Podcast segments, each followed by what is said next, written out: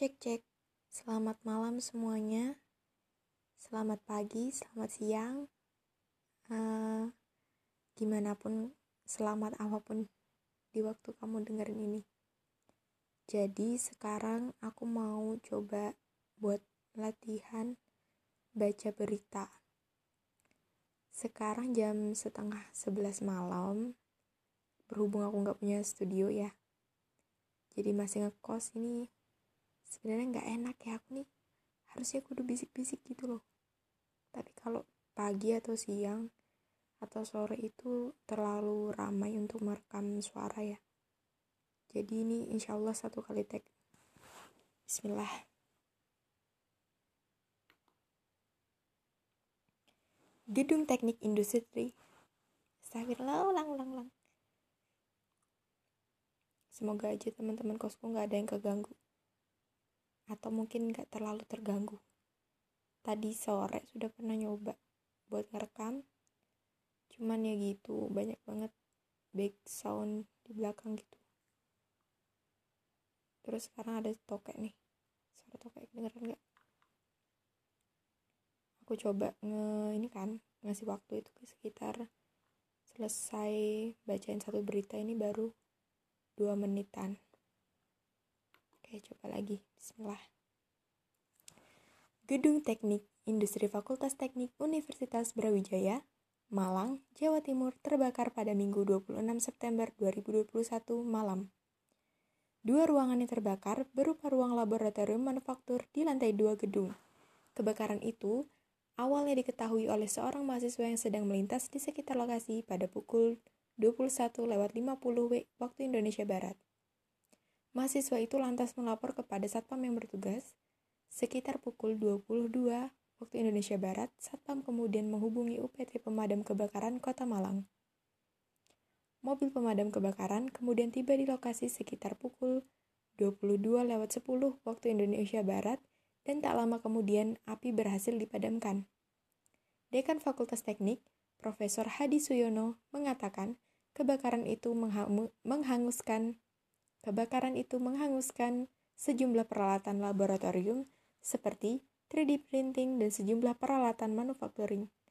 Namun, pihaknya belum bisa memperkirakan jumlah kerugian material akibat kejadian itu. Sampai sekarang, kita masih belum memperkirakan berapa jumlah kerugian material yang kita dapat akibat kejadian kemarin, kata Hadi.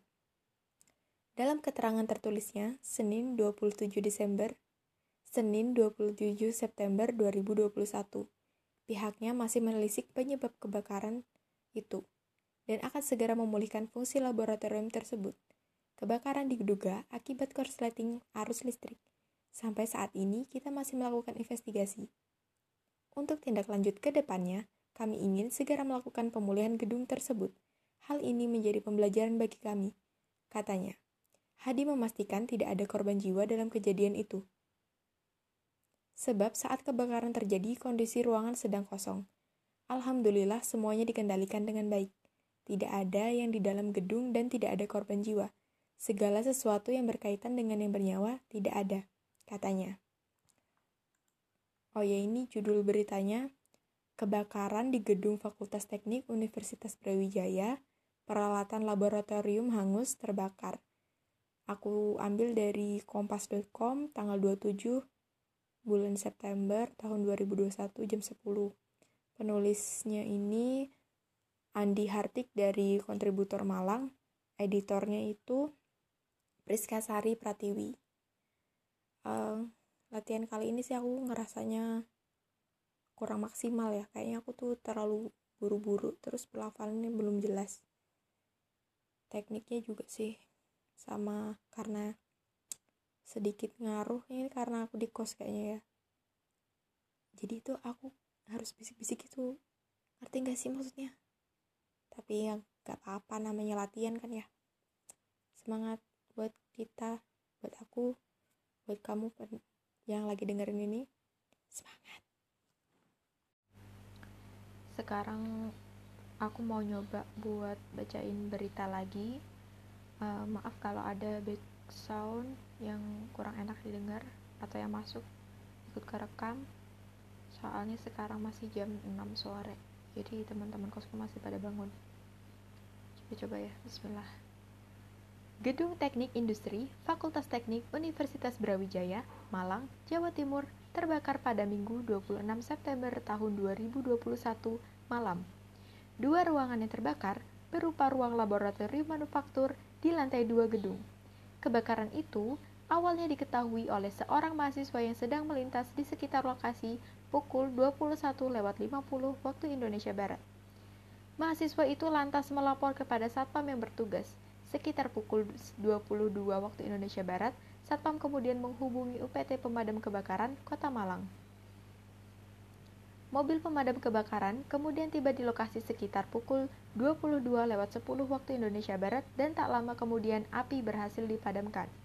Dekan Fakultas Teknik, Profesor Hadi Suyono, mengatakan kebakaran itu menghanguskan sejumlah peralatan laboratorium seperti 3D printing dan sejumlah peralatan manufacturing.